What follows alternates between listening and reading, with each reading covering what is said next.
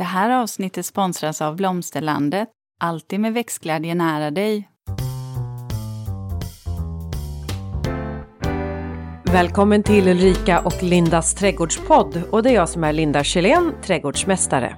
Och det är jag som är Ulrika Levin, trädgårdsdesigner. Idag ska vi ha ett lite mer filosofiskt avsnitt, Linda.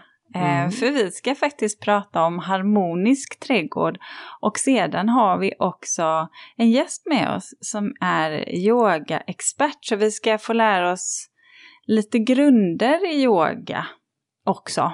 Prata om det. Det känns som en bra ingång nu så här när semestern närmar sig. Ja men att för mig handlar, alltså jag vet inte men jag har en förutfattad mening om att yoga handlar om att komma ner i varv och slappna av, eh, lära sig att andas. Och det kan vi ju kanske behöva efter en eh, ganska intensiv vår. Att vi, vi, vi landar i det redan innan vi går på semester så vi inte har lyckats med det sista veckan på semester. Ja, och jag, jag har den här föreställningen att yoga är eh, kan vara lite komplicerad. Eh, både för att det, det, är ganska styrkekrävande upplever jag det. Eh, man ska göra många saker samtidigt. Andas bland annat. Eh, och sen också att ehm, jag har lite svårt med att vara närvarande, att vara med mig själv och bara inte låta tanken vandra.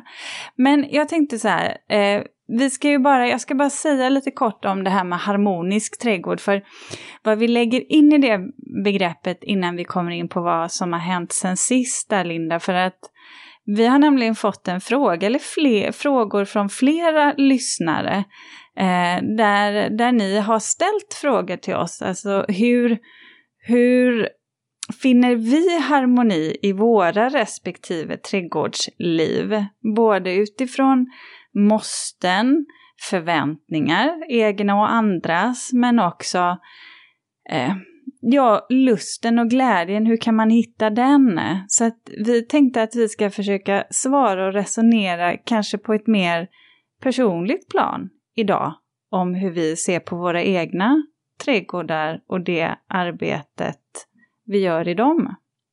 Mm.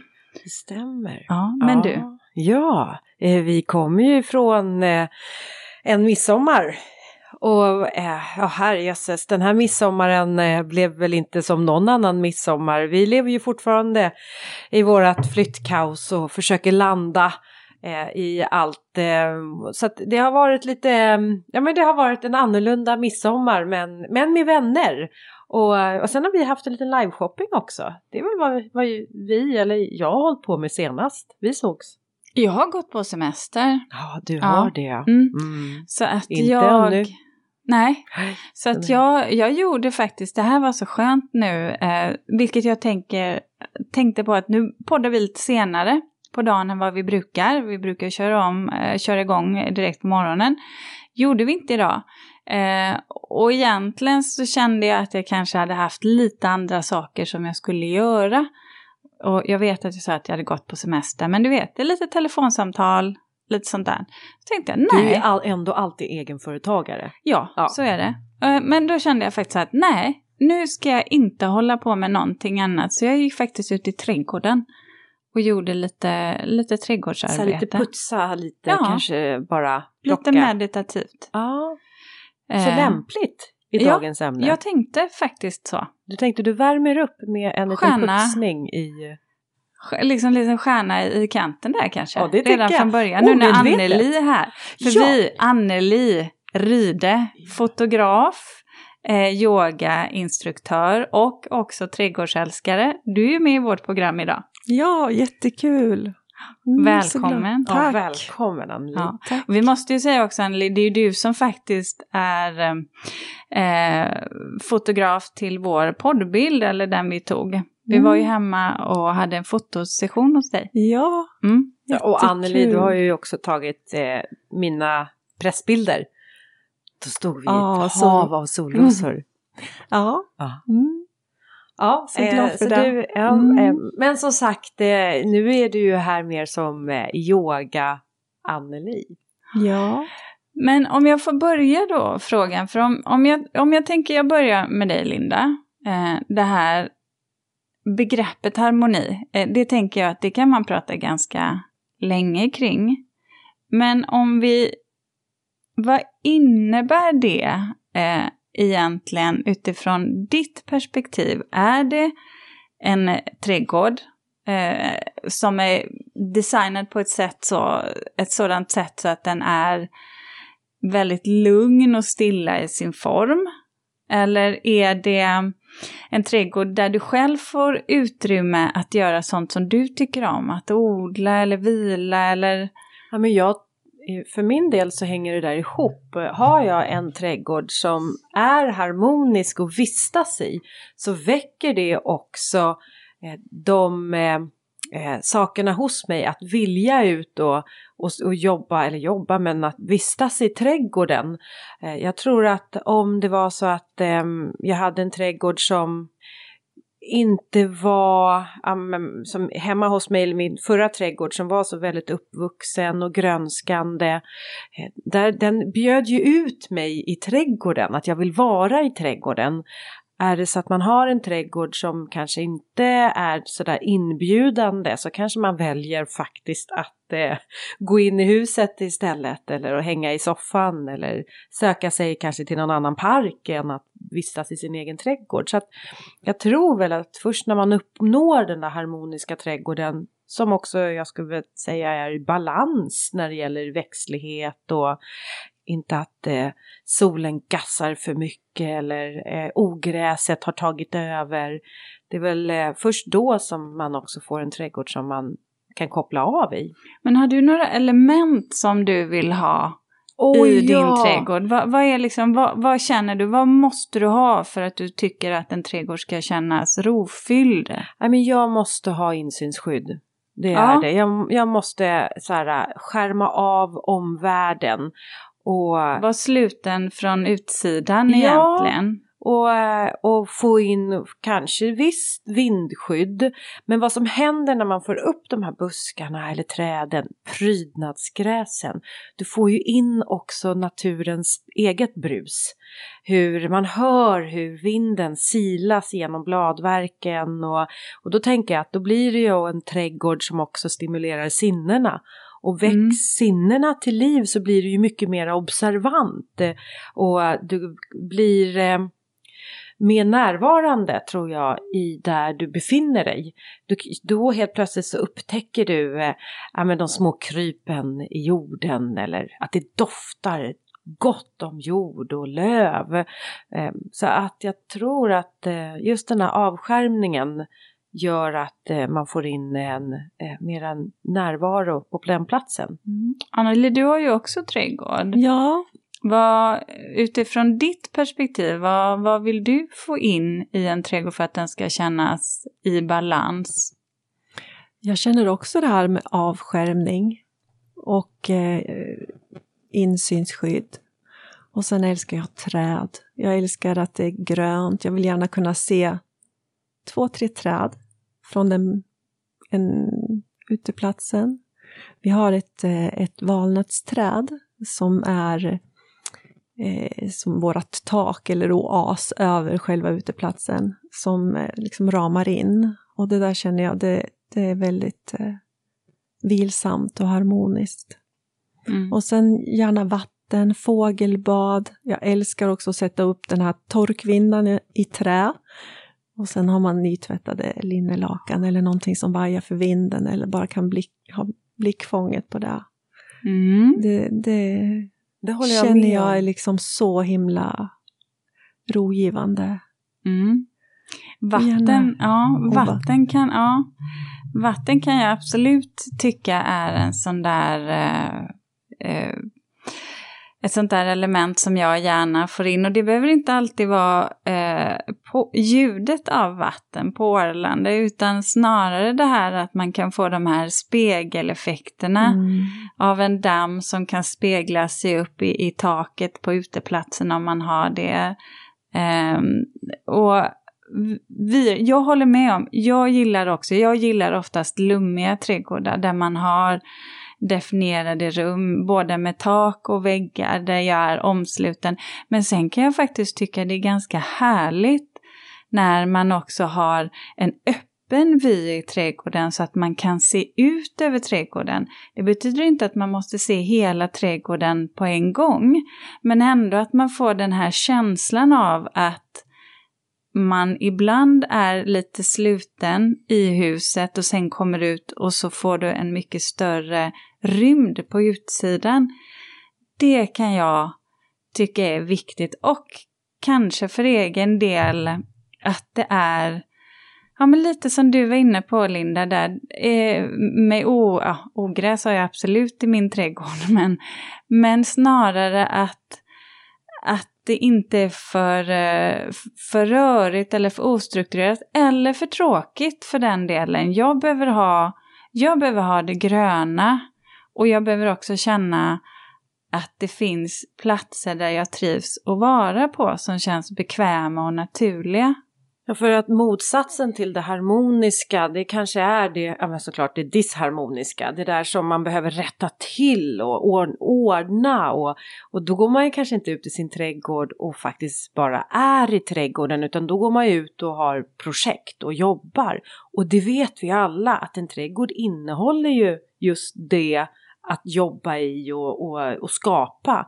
Men eh, men man måste ju någon gång uppnå också att man får den där mera balansen i trädgården som gör att man eh, rent så här, eh, känslomässigt eller upplevelsen av att det lockas fram att också vila i trädgården. Ja, och då ja. behöver man ha en, ja men som du sa, en eh, ordning och reda i trädgården. Ja, jag, Eller jag, behöver, ja. upplever jag, jag ska Ja. inte säga att man, utan jag Ja. upplever. Ja, men, och det, jag tycker det är så himla klokt sagt för att jag upplever ju sällan det här trädgårdsarbetet i trädgården som harmoniskt, som meditativt. Jag vet att det är många som gör det. Jag gör det inte. Utan för mig så är det så himla viktigt att jag bara kan få komma till en miljö där jag får vila.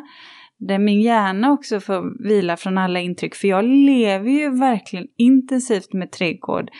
Med att rita, med design, alltså på ett kreativt plan hela tiden. När jag kommer till min egen trädgård så finns inte det utrymme tycker jag för den här liksom fria kreativiteten som jag kan ha i mina uppdrag. Den orken har inte jag den här tiden när jag tror många andra påtar i sina trädgårdar. Då är jag lite för trött. Jag vill bara, jag vill bara kunna gå ut och sätta mig och känna att ja, här kan jag sitta en timma. Det är därför jag har valt bort vissa saker i min trädgård. Eh, men jag måste ändå säga det att eh, det är det som är så fantastiskt med trädgården, att trädgården är en plats för ens alla olika känslor man befinner sig i. För det var som häromdagen så var jag, ja men jag var lite frustrerad över saker och ting och jag var ganska trött sådär egentligen mentalt, men inte kroppen var trött. Och då att faktiskt gå ut och bara helt plötsligt ställde jag mig och rensa ogräs. Och jag tog eller grepen och bände upp och ryckte de här ogräsen och jag, jag jobbade oavbrutet i en, säkert en timma med att bara röja. Bara för att eh, bli av med den här bara, energin som jag hade i mig. Och så efter det, ja dels så mådde jag faktiskt lite bättre. Det var lite av att gå en eh, boxningsmatch ute i trädgården.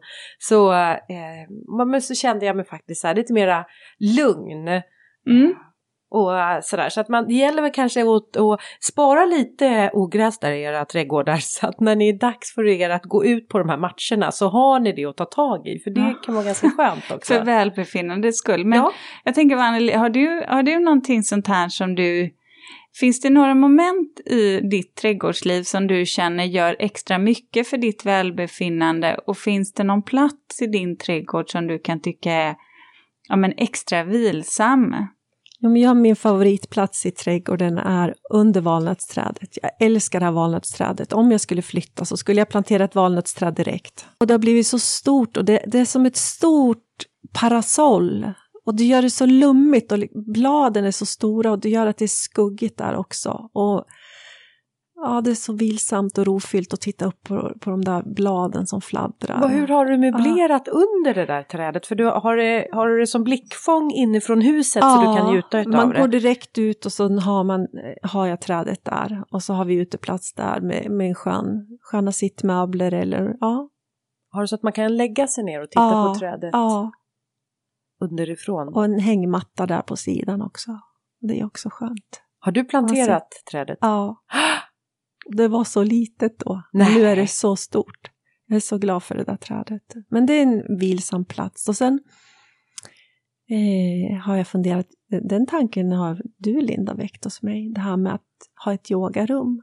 Ja! Och det har inte jag i trädgården. Jag har lite yta där, så vi har ett litet projekt på gång kanske att kunna få göra ett, att bygga in som rum då, att göra en, en plats för yogan i trädgården.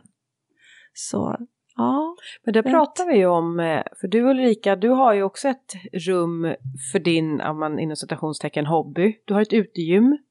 Ja, aha. det har jag. Du har ett utegym Mm. och jag har ju växthuset slash eh, ateljén som jag har som måleri, eller hade i alla fall, det kanske blir ett nytt växthus. Eh, och då ska du skapa då ett yogarum. Ja, Ja.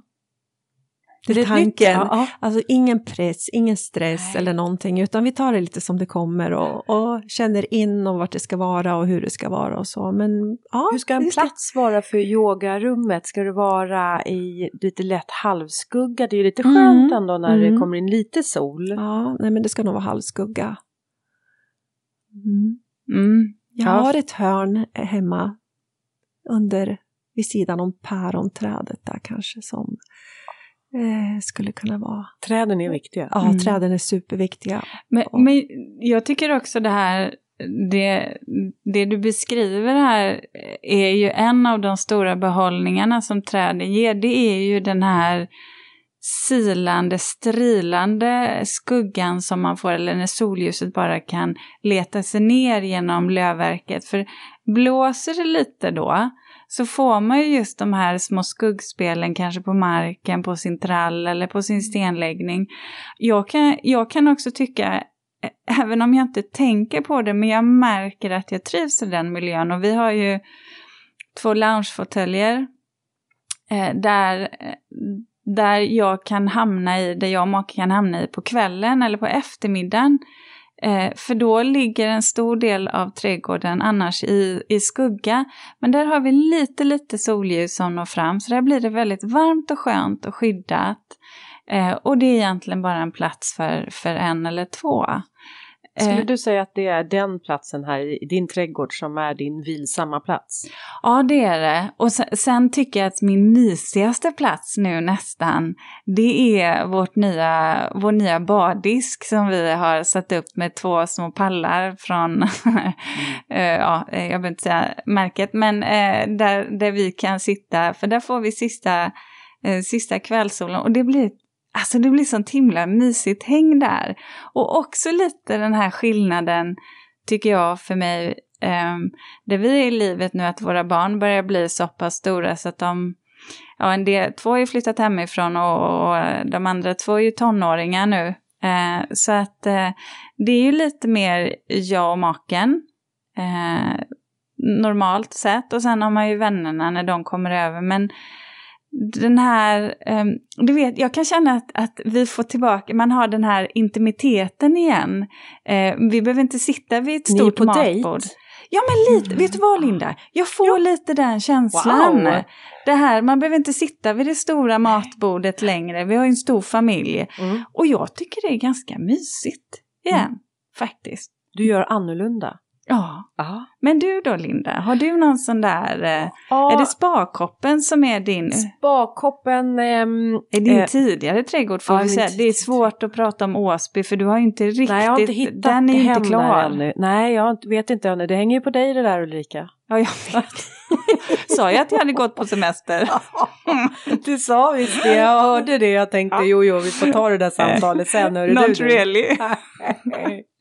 eh, nej men okej, om jag tittar i min trädgård hemma så, ja men, eh, ja det är jättesvårt. Men vet du, eller ni, jag hade ju små hönor förra året i trädgården. Och jag har aldrig använt mig av våran gräsmatta så mycket som förra året. Och det var så Ehm, jag hittade faktiskt en ny plats i trädgården där jag trivdes. För jag lyfte ut ett av eh, våra så här, möblemang med så här, eh, rottingstolar och så ställde jag det så här eh, mitt på gräsmattan men lite halvt in under också de här träden, äppelträden. Och där satt jag. så här, jag kunde sitta nästan hela dagar där och bara kände att det här är en jädrans behagligt därför att jag satt liksom som centrum i trädgården. Eh, det, man hade den där positionen så jag hade koll på vad som hände åt alla håll och så hade jag mina små hönor som gick och pickade och min lilla hundhöna också, Ester. Det här låter ju som när man var, jag tänkte man hade småbarn. Oh. För det här tycker jag är lite intressant. Jag sitter alltså inte vid bardisken med min man utan jag Nej. hänger med mina hönor. Ja, eh, ja. Vi, vet, vi lever olika ja, liv. Du Jonas, ja. du lyssnar inte på det här så det spelar ingen roll. Men vet du vad jag tänkte på? För där, där tycker jag att du sätter fingret på någonting och det är ju om det här, vad, vad är en harmonisk trädgård? Um, genom livet. För där kan jag tänka mig ändå att det inte är detsamma. När man är så att säga yngre, det vill säga man har flyttat till trädgård, eh, kanske precis är i färd med att skaffa familj. Sen om man har små barn, eh, då har man ju lite andra behov också. Så där tänker jag att någonstans så känner jag nog att harmonisk trädgård måste vara just den här balansen med att, att det finns yta för rörelse för alla familjemedlemmar, men också att det finns en yta eh, att vila. Och när man har små barn så är just den där uppsikten ganska skön att ha att, att kunna släppa ut dem, alltså släppa ut dem. Ja, men, att, ja, men att man inte behöver oroa sig för att, att eh, de springer iväg eller kan göra sig illa. Det är ju ganska centralt för att annars, man vet ju som förälder så, så man får ju en oro eh, med sitt föräldraskap någonstans. Det kommer ju som ett brev på posten tycker jag när barnen föds. Eh, så det tänker jag på. Har, har, du reflekterat någonting över det Ann, eller känner du att harmonisk trädgård för dig nu är annorlunda än vad det kanske var för 20 år sedan? Jo, men det känner jag. Och eh, det här med barnen, om man tänker på att de har flyttat ut, så vi hade ju mer en öppen trädgård och gräsytor för bollsporter och fotboll och det var ju sandlåda och det var gungställningar och det var ju liksom, det upptogs ju av volleybollnät och allt möjligt och det har ju, det, allt det där har vi plockat bort. Och nu har vi ju fortfarande de här gräsytorna som jag sagt att, det, att jag skulle vilja göra någonting med, för det är väldigt tråkigt med bara de här.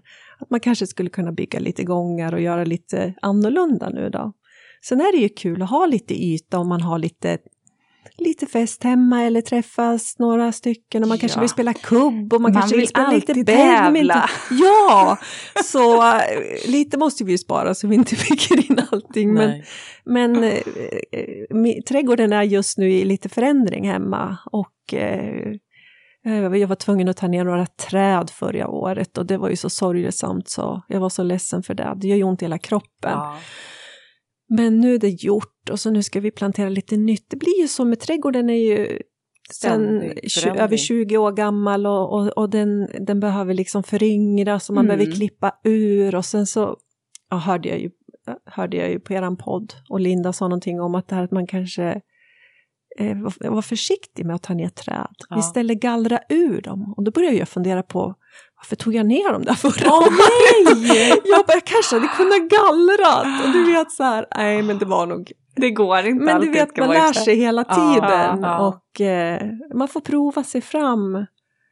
Ja, ja gud ja. Det... Jag tänker i vårt, när du sa där man, när man eh, leker lite i trädgården, jag vet att vid midsommar brukar vi alltid göra så att då kör vi lite så här femkamp Eh, och då är ju så här, dammen då, då blir ju det, du vet, en hink där i några tennisbollar och så ska man försöka pricka. Det är, man kan använda vatten till mycket. Ja. ja. Mm. Men ehm, eh, Linda, har du någon sån där reflektion? För jag vet ju att du har ju du flyttade väl nästan till en uppvuxen trädgård så att du har ju haft den här lummigheten mm. länge. Ja, ja, och det måste jag ju säga att det, det var en klar fördel att ha färdiga väggar som var uppvuxna och någonting som jag egentligen bara kanske så här behöver forma och hålla tillbaks. Men i annat fall så tycker jag väl att en trädgård, ja men visst om man ärver en trädgård men någonstans så ska man ju också skapa en egen alltså det är ju min personlighet eller den ska ju passa oss i våran familj och jag vill ju sätta min prägel på trädgården. Så att våran trädgård är ju, eller den före detta trädgården, den är ju, eller blev ju mycket mig men eh, liksom ramarna och man har ju en tomtgräns att förhålla sig till. Eh, och där är ju, bor man i ett villaområde då får man ju även in grannarnas hus på ett mm. sätt in i sin trädgård. Och, så att man, man eh, får ju liksom ja, eh, man kan göra sin personliga prägel men ramen finns ju där eh, och tonen sätts ju mycket också från vad man har för grannar. Ja men så är det ju och sen så tänker jag så här att nu när vi pratar eh, om det här med med så att säga olika faser i livet och trädgård. Jag skulle väl ändå vilja säga så att man en öppen trädgård behöver inte vara en tråkig trädgård. Eh, och man kan ju ändå tänka så här att växter kan, lite större växter kan få, få växa upp samtidigt som med barnen egentligen, om det är så. Så jag, jag, tänker nog att man, det är ändå bra att tänka till och se att även, även barn eller små människor um, tycker om det här lite slutna ibland. Det kan vara väldigt vilsamt för dem också. Men tänker ni någonstans, alltså någonstans så här att ni fastnar och skapar en trädgård för att lite show off för andra? Och, och då blir det också som att det är andras förväntningar på era trädgårdar. Har ni några sådana idéer, Anneli? Du? Nej, jag är helt eh, fri från det. Skönt! Jag, jag, jag känner inte så alls. Och Nej. det är så skönt för det är området där jag bor också. Det är liksom var och en sköter sitt och, och det är helt okej okay, liksom att det inte är fixat och inte ordnat och de tar väl den när de har tid och jag gör det här när jag har tid och nej. Och det är inte så att du går och tittar över andras och jämför med att oh, oh nu har de eh, anlagt en ny rabatt här eller nu har de klippt gräsmattan igen. Nej. Och, Nej, säger du. Nej, jag skiter fullständigt i alla andra. Ja, ja men, alltså. Ja. Men du, ja, då har du ju, eh, det, jag tror att det är en jätteviktig eh, eller bra egenskap att ha, att, att släppa ängsligheten. Mm, mm. Och det är ju, man har ju sin trädgård för sin egen skull och mm. inte för andras skull. Men, Sen men vill man väl ja. kanske hålla, ja men man får ju hålla med hänsyn till grannarna, alltså vi klipper ju häcken mot ja, dem så att inte ja. de blir, alltså lite sådana grejer såklart, eller att om det är någon som tycker någonting eller något, något är i vägen eller något tar för mycket solljus eller har mm, någon önskan, så får man ju vara liksom mm. lyhörd för det. Men, men, eh, men, inte annars. Men jag tänker på dig och mig Ulrika, vi har ju professioner inom trädgård. Mm. Det är ju så här, du är, du är the designer. Och jag är ju då trädgårdsmästaren, så jag bör ju alltid ha väldigt friska och frodiga växter hemma hos mig. Och du Ulrika bör väl alltid ha väldigt ordning och reda och struktur formklippt hemma hos dig? Eller? Är det vad folk förväntar ja, sig? Skulle ja, du, förväntar men, du dig det, Anneli? Hos oss? Hos er? Ja, lite mer kanske oh, än, ja, än, än från andra. Jag visste Fast det, oh, jag visste det. Nu kom den där pressen igen. Ja, exakt. Och jag, alltså jag får så ofta de här frågorna. Ja, så här trodde jag inte att din trädgård skulle se ut. Eh, Okej, okay. ja. Eh, jag vet inte, vad hade du, vad hade du förväntat dig? Nej, alltså ja, grejen, okay. Svara då. Ja, ja. Grejen är så här. Eh, eh, är att Nej, innan så tänkte jag faktiskt inte så mycket på det. Eh, jag har börjat göra det mer på sistone, tyvärr skulle jag vilja säga. Eh, för att eh, jag märker verkligen att folk ibland stannar och tittar och betraktar. Och egentligen skulle jag väl kanske bara slappna av och säga att ja, de tittar nog för att de tycker det är fint. Eh, jag vet inte, jag bara känner så här, sluta. sluta titta, eh, kan jag uppleva i, ibland. Eh, just, men snarare att jag kan väl känna ibland att, eh, ja, att det finns en förväntan på hur trädgården ska se ut om jag inte riktigt har, allt är ju verkligen inte tipptopp i min trädgård. Och det är ju um, det är bättre i min semesterträdgård. Där är ju faktiskt allt uh, fixat och färdigt. Men, men här hemma så är det ju vardagen som gör sig påmind. Kanske lite att, att, ja, att jag tänker lite för mycket på, på vad andra tycker. Jag har ju, eller jag hade ju eh, Nyhetsmorgon ofta på besök, alltså tv Ja, på besök i Mm. trädgården och det kan jag säga att ehm, Ehm, att lära sig att hantera att man har good enough fin trädgård när man har ganska många eh, hundratusen som tittar. Eh, det är en utmaning och liksom vad ska man säga, att landa i det, att det, det här är tillräckligt bra. ja Eh, för det har jag tänkt på mm. faktiskt, hur Och, du har resonerat kan- kring det. Ja, men där kan, faktum är så här, där var det snarare tittare som kanske tyckte till om att vi hade ett hus som behövde målas om eller ja, eh, det Mm. sa att det kanske var snarare det, men inte trädgården så mycket att folk kanske sa någonting om. Men däremot ehm, eh, så att det, men det, det, det, där har jag nog också lärt mig att äh, Eh, jag måste ju ändå kanske visa upp en trädgård som inte är helt perfekt för att jag tänker att all andras trädgårdar är inte heller Vi- perfekta. men vi, eller, det är ingen det är väl- övermänniska. Nej, och det det är väl lite så också att du och jag, vi har ju, eh, vi har ju också våra projekt. Jag tror att vi är precis som alla andra där. Att eh, vi har också projekt i trädgården. Saker och ting blir halvfärdiga vissa år. Eh, för man hinner inte med helt enkelt.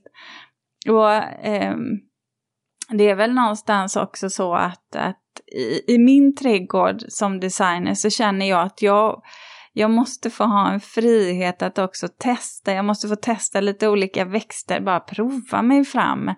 Och då kanske inte allting alltid är så himla stringent som jag skulle göra när jag gör det på ett, ett jobb. Eh, så att, men sen så är det ju också så här att ehm, Jo visst, vi har ju satsat en del på vår trädgård så att vi har ju absolut plöjt ner både tid och pengar. Eh, och, och där har jag väl en tendens att, att trilla i de där, igen, den här klassiska fällan att eh, vi har den där listan på vad man vill göra väldigt Mm. lång och sen så inser jag att tiden finns inte och så kan jag känna mig lite stressad över att det inte blir blir liksom färdigt, att vi inte eh, kommer i mål, att det då inte är det där harmoniska flödet som jag vill ha i alla delar av trädgården. Ehm, det, det kan jag nog ändå känna att det är. Linda, visst är vi stolta över att ha en sponsor till dagens avsnitt? Ja, och det är Blomsterlandet. En trädgårdsbutik nära dig med butiker över hela landet och en e-handel som är öppen dygnet runt. Välkommen! Eh, för där eh, har jag ju ett, ett knep, höll jag på att säga, men ett sätt som jag jobbar efter det är ju att jag fokuserar verkligen på ett område i taget när jag är ute i trädgården. Speciellt kanske på våren nu som har varit, att eh, när det är dags att starta igång trädgården igen, att eh, man gör det per helg eller man bestämmer en dag. Nu, nu ger jag all uppmärksamhet till framsidans rabatter. Och även om jag ska iväg och hämta någon spade eller en grep gräsklippare i andra delen av trädgården så fastnar jag inte i andra projekt på vägen, börja rensa ogräs eller klippa in häcken, utan det är verkligen så här, har jag avtalat tid med framsidans rabatt så är det den som gäller. Och det som är så fantastiskt då, det är ju att när helgen sen är slut, då har man ju gått i mål med då den delen utav trädgården, så kan man så här, okej, fokusera på nästa del nästa helg. Ta lite i tag. Ja, Ja. Det, och det kan man ju också göra. Det brukar jag göra ibland. Ta lite i taget. Du vet en halvtimme här och en halvtimme där. Och så får det vara, får det vara good enough eh, egentligen. Mm. Sen väljer jag ju, jag väljer ju bort eh, en del, eh, nu har jag börjat med odling och det är roligt. Det, det tycker jag faktiskt många gånger är Jo, jag tycker ändå att det kan vara lite jobbigt. Det är mycket, det är liksom mycket pyssel med det där med att odla grönsaker och sådär, även om jag tycker det är väldigt gott. Eh, sen har jag inte jättemånga krukor och sommarblommor, utan jag satsar ju på perenner, eh, träd och buskar i krukor. Eh, för det, skulle, det, är, det är övermäktigt för mig. Jag kan tycka det är jättefint hos andra, eh, men kanske inte hemma hos mig själv. Sen tittar jag faktiskt väldigt sällan på... Eh, jag läser inte om trädgård, jag tittar sällan på trädgård på sociala i sociala kanaler eller i tidningar, böcker under den tiden som jag har som mest intensivt för att jag känner att jag, jag är så mättad själv att jag måste få, jag måste slappna av med andra saker. Du Anneli, har ni, ni har ju något projekt på gång men du, du verkar ha en lite mer avslappnad inställning till, till din trädgård. Ja, det är livet Ja, som det är har liv. gjort det här med mig. Jag var lite annorlunda förut. Ja. Men så jag tar det väldigt lugnt och sen vi tar det som det kommer. Vi tar lite i taget som du sa Linda, om man fokuserar på en del, framsidan kanske eller och går det några veckor och man inte har hunnit med, nej, men då får det vara. Och eh, jag har inte ens planterat ut några blommor i krukorna än. Det är Nej. lite sent för i år, men Nej, det ja, nu har jag inte hunnit inte. det helt enkelt, så nu får det... Du får, du, Ja. Kevin, du får se det så här, du är tidig med höstkrukorna om Ja, du sätter ut dem. ja. ja Nej kan men det har varit så mycket annat med, med, liksom, med jobb och så att då får det vara. Mm. Och eh, ja, Det, ja, Det får inte bli ett måste, Nej. det är väl det jag känner. Ja. Och det är, det, jag, då kan, det är därför min trädgård ibland bara kan få se ut som Hej, kom och hjälp mig. ja men det är så inte- härligt vi, att, att se att liksom, det är så för dig också.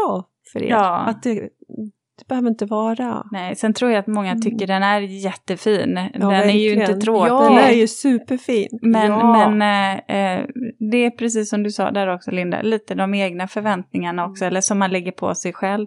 Ja, alltså, man ser ju att det är någon som eh, kan rita trädgårdar Ja. och har tänkt till på mått och, Verkligen. och ja, ja, ja, det här är, vi, nu har vi inte lyft din trädgård men det, det kan vi ju faktiskt göra. Den är Ja. fantastiskt vacker, är den.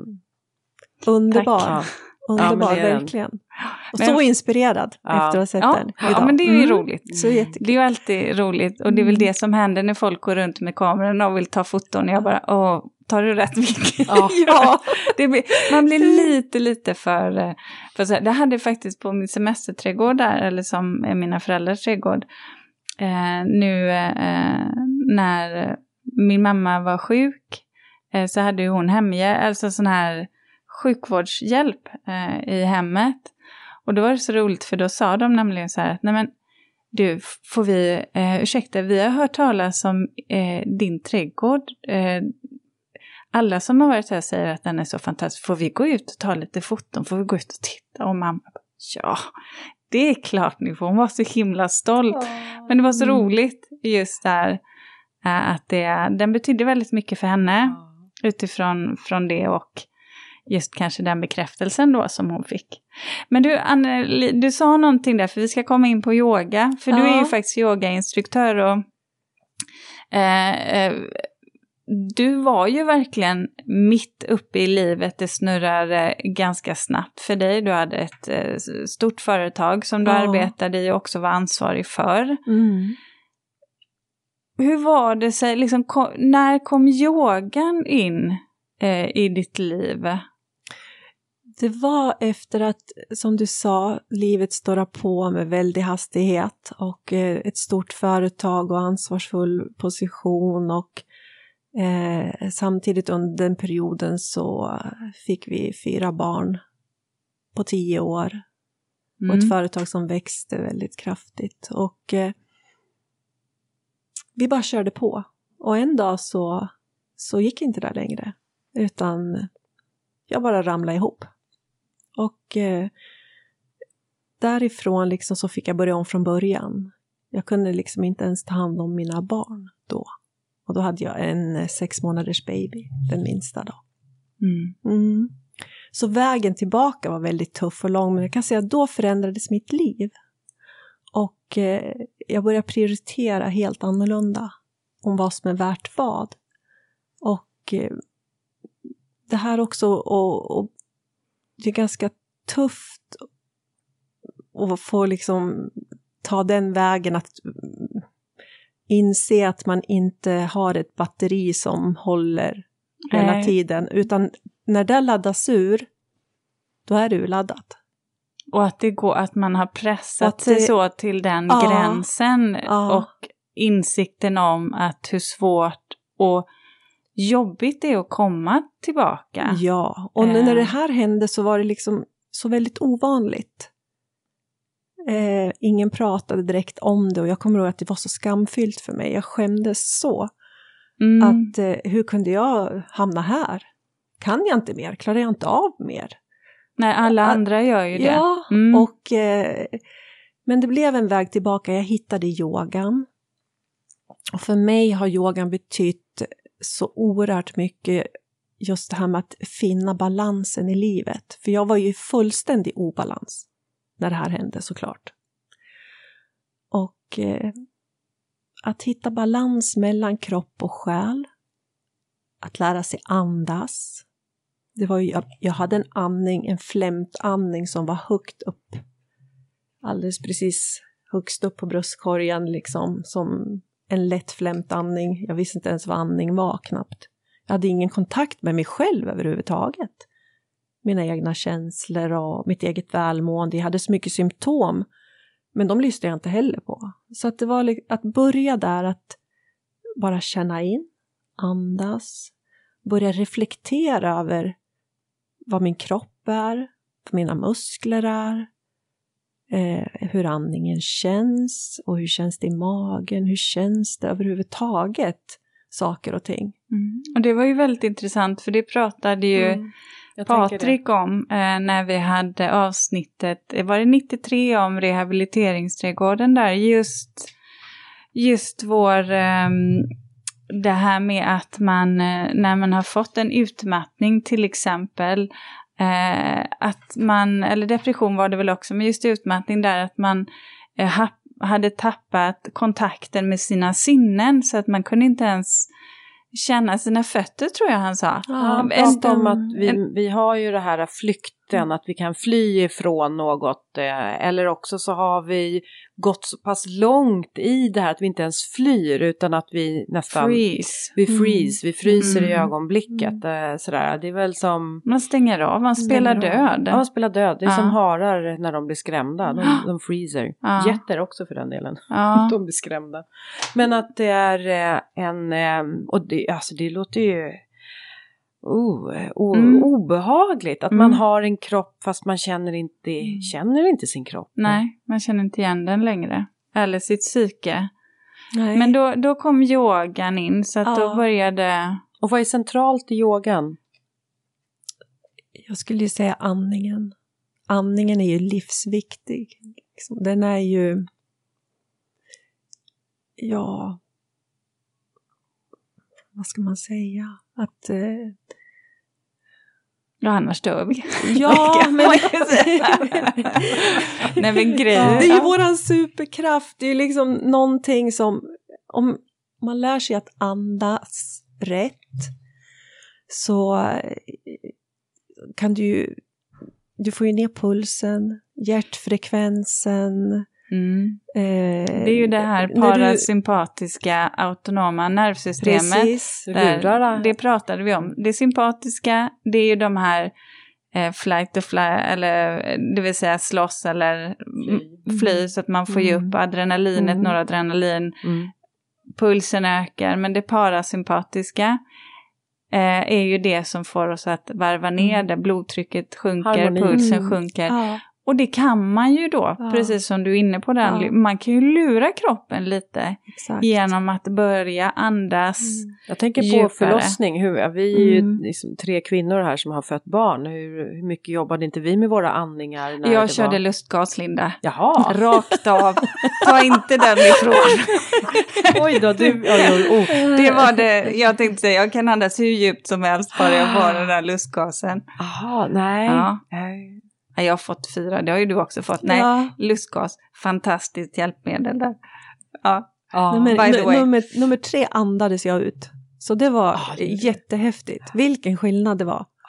Det funkar ju verkligen. Nej, jag, jag Ja. andades ut min, min Tora också. Ja. Jag hade så här värmevetekudde, Ja. det var det enda. Ja. oh my, vad tuffa ni är. Nej, gud, jag sa... Ja. Första två då sa de, då får nu får du nog släppa lustgasen lite Ulrika. Jag bara, de, nummer tre, fyra, de, de sa det inte ens. Jag tänkte, jag fortsätter. jag, jag kör på det tills jag är klar liksom. Ja. Nej men det är ju, andningen är det centrala, det är det viktiga. Att det, för det är väl också men det genom är andningen, man... Ja, men man slappnar ju av. Att lära sig eh, slappna av och andas eh, är liksom... Det är. Och det här är ju bra att kunna, för det här är faktiskt ett sätt att lura kroppen. När man är lite stressad så är det så att får du den här djupandningen så kommer du sakta ner. Nu sitter du och gäspar Linda, på tal om andning där. förlåt, jag gjorde en djupandning och så utmynnade den en gäspning. Ja, jag såg det. Ja. Men, men egentligen så här då, om man nu tänker sig att man ska börja yoga, för det är ju semestertider och, och jag, vi har ju fått köra ett yogapass med dig, Anneli. Ja, Eh, och jag har ju varit på gång eh, med yoga flera gånger. Jag har ju testat. Har du testat Linda? Eh, Jag har testat någon gång tidigare men jag eh, eh, kände att nej, det där var inte, jag var inte mogen var jag inte. Nej. Men jag blev mogen idag. Ja. ja vad Ja. kul! Nej, jag har ju testat eh, och då, då har jag ju kommit på att man ska inte, absolut, alltså lärdom ett var ju att man ska inte träna i kompressionstajt som blir som typ nylonstrumpor när man böjer sig framåt. Och framförallt inte då stå vid en stor glasruta och det är en byggarbetsplats utanför. Det var väldigt, eh, ja, eh, det, det, var, det kände jag efteråt, inte så smart. Och sen så, så kände jag så här, första gången jag yogade så tyckte jag faktiskt att det gick ganska bra. Jag var ganska nöjd med mig själv. Tills yogaläraren kom fram och korrigerade mig och så klappade mig lite så här på axeln. Du, inte en dag för tidigt va? sen gick inte jag, sen gick inte jag någon mer gång. Men jag vill väldigt gärna, för jag har nämligen, återigen som jag sa där, den mentala biten att kunna vara, ha medveten närvaro hela tiden. Plus att komma ner i andning och att jag känner att det är väldigt mycket styrka i yoga. Det beror ju på vilken typ av yoga, men det är ju en kroppskontroll som man Ja. får som jag väldigt gärna skulle vilja ha. Mm. Eh, men då har jag alltid undrat så här, ja du vet, finns det någon tid på dygnet som det är bäst att yoga och måste man alltid liksom avsätta en timma eller kan man, kan det räcka med du vet tio minuter som det kan göra med att springa intervaller i tio minuter så, Ja, det, yoga på morgonen är ju superbra. Då, kom, då yogar man på tom mage. ska man alltid tänka på innan yogan, att man inte har ätit för, för tätt inpå om man nu yogar på kvällen och, och så, att man har kanske ett par timmar i alla fall innan man har något i magen då, så man är tom. Och just på morgonen så är vi ju där. Plus att det är så skönt att börja på morgonen för lite yoga och meditation och andning kan man liksom sätta tonen för hela dagen. mm. Man känner verkligen, jag har haft morgonyoga nu under våren och, och eh, det är som att hela dagen, ja, Fortsätter ja i samma i, ja, kontrollerade, mera... ja, man sätter tonen för dagen. Man är liksom förberedd på ett sätt. Det är himla skönt. ja, Och sen är, vad gäller tiden, det räcker ju med en kvart om dagen ja, ja. att börja med. Ja, för jag, jag, där sa du någonting, för jag har för mig att jag har hört eller läst att så här, när man vaknar på morgonen så är lite så här, kroppen är inte riktigt igångstartad. Och det, det kanske man tycker själv, men det innebär också det att man oftast känner sig, man kan må lite dåligt på morgonen. Det är oftast då det känns som tyngst att gå, gå upp om man är lite kanske nedstämd eller i sorg och sådär. Sedan när man då går upp och kommer igång, då, då, då händer det saker med ämnen i kroppen som gör att man faktiskt börjar må lite bättre. Jag kan inte förklara det bättre än så här för att eh, det är det här jag minns.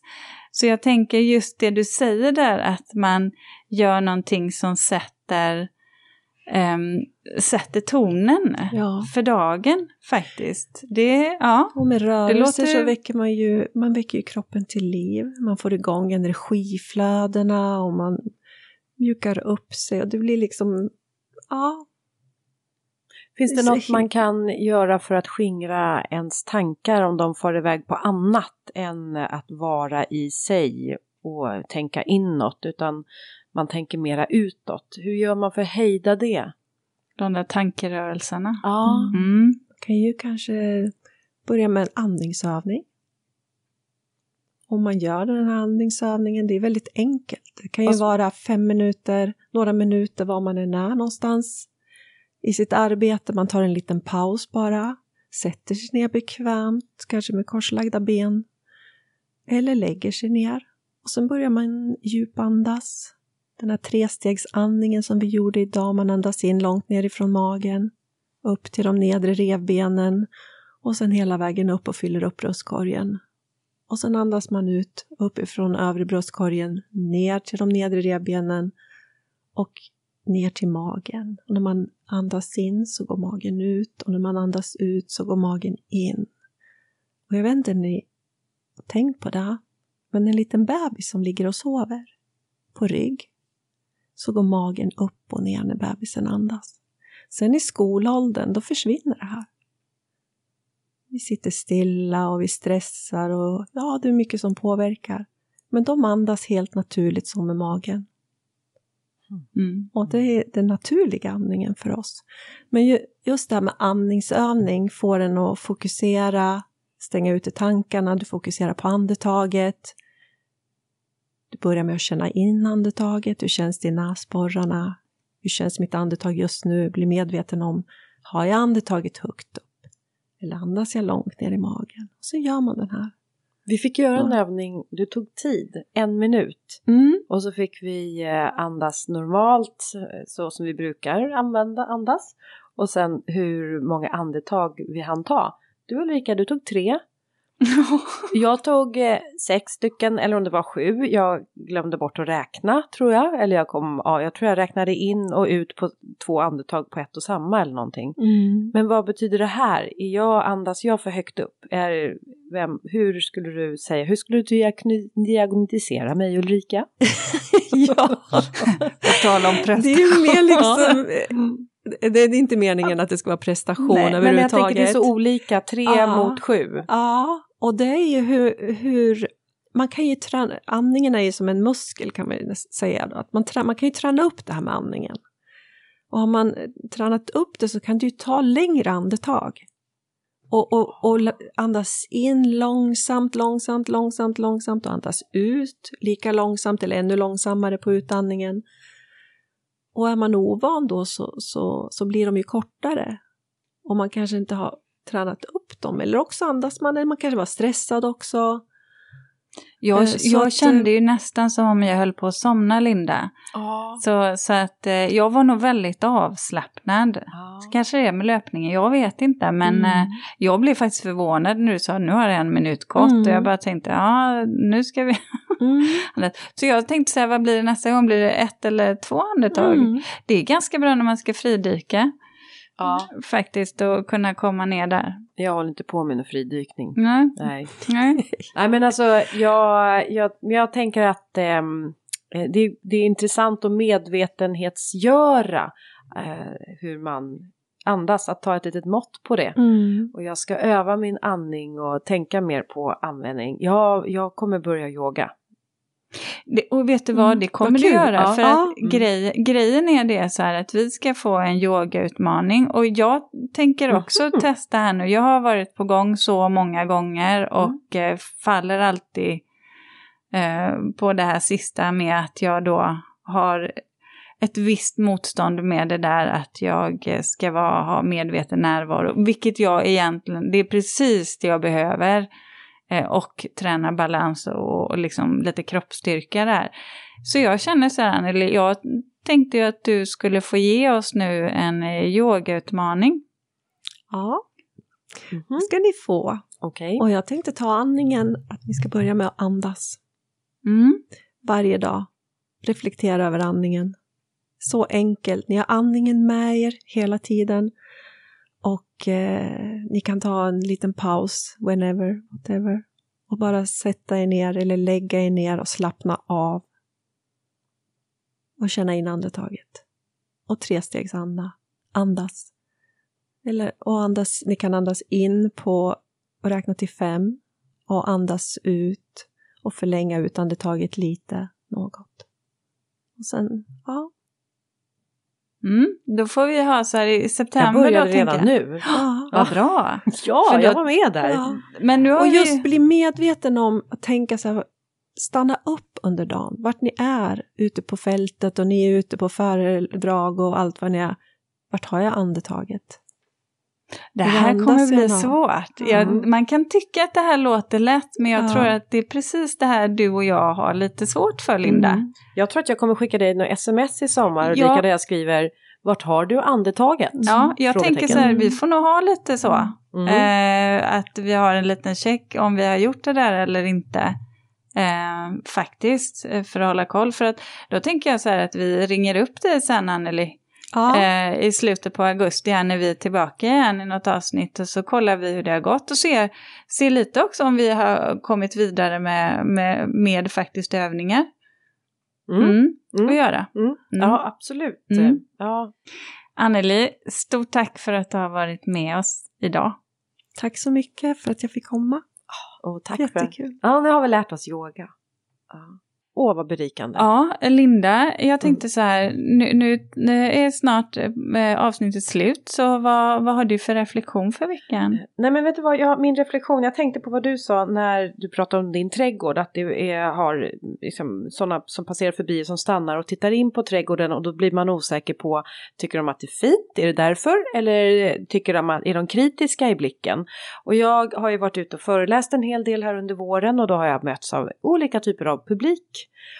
Och eh, ibland så är det ganska jobbigt att stå och prata inför en publik för att, eh, som inte verkar intresserad av vad man har att säga. Men det kanske inte alls är det. Då ska man ju tänka att man har sovit dåligt eller det har inte med mig att göra. Men emellanåt så är det så här, jag har varit runt mycket på trädgårdsmässor och då är det många, eh, det kanske är den ena i, i paret som är intresserad av en trädgårdsmässa men inte den andra i paret. Men man tar med sig den bättre hälften ändå och tar med sig den in på en föreläsning och jag kan ju bara se hur den ena ena sitter och är jätteintresserad medan den andra är så ointresserad så att man liksom håller på och vet inte vad man ska ta vägen. Och det där är jättejobbigt för någon som står och pratar. Även om jag fattar grejen så blir det ändå väldigt, väldigt svårt att stå och prata inför en grupp när man märker att det är någon som bara suck. oh, så Men du, du måste ju vara beroende av det här lite samspelet, att det går hem. Man är ju Ja. väldigt, väldigt mottaglig för andra människors... eh, Alltså, ja men alltså, så ni som lyssnar och som sitter med i publik och tittar på någon som står på scen eller någon som föreläser vad det är. Ni ska inte tro att ni är gömda, utan vi ser er. Och vi ser er. Och vi ser när ni somnar. Ja, det gör vi också. ja, det gör och man vi hör er. definitivt. Ja. Och då är det faktiskt så att eh, hur den är, men det som publiken sitter i sin energi, det ges till mig och det ger jag tillbaka. Så att en, en föreläsning där man har några som tycker att det här är supertrist, eh, då tar jag med det och då blir inte föreläsningen den roligaste heller. Då får de stanna utanför, tänker Ja. jag. Då kan de gå och fika. Ja, Det är mycket, mycket bättre. Så, Ja. så sammanstrålar man sen. Och jag vill i alla fall, eh, jag vill passa på att säga att nu Linda så sticker ju vi iväg på poddresa. Åh, Så ja att, så eh, spännande! nu ska vi upp till Åh, Det är tredje Dalarna. året vi gör en Ja. poddresa. Det ska bli jätteroligt. Eh, och så att nu, nu blir det ju lite specialavsnitt. Fortfarande mycket trädgård och vi ska träffa kunniga och intressanta personer hela vägen. Så häng med oss under sommaren och eh, så hörs vi igen om en vecka. Ja, nu drar vi på turné. Ja. Ja. Ja, det måste jag ju säga. Vet ni vad? Det finns också en spellista på Spotify. Ja, just det. Mm. Vi gör Ulrika det. och Lindas poddresa. Mm. Mm. Ja, men Det ska här, vi lyssna på. Alltså det här kan ju bara bli bra. Ja, Ja, vi hörs igen om en vecka. ja det gör vi. Ha det bra. Hej då!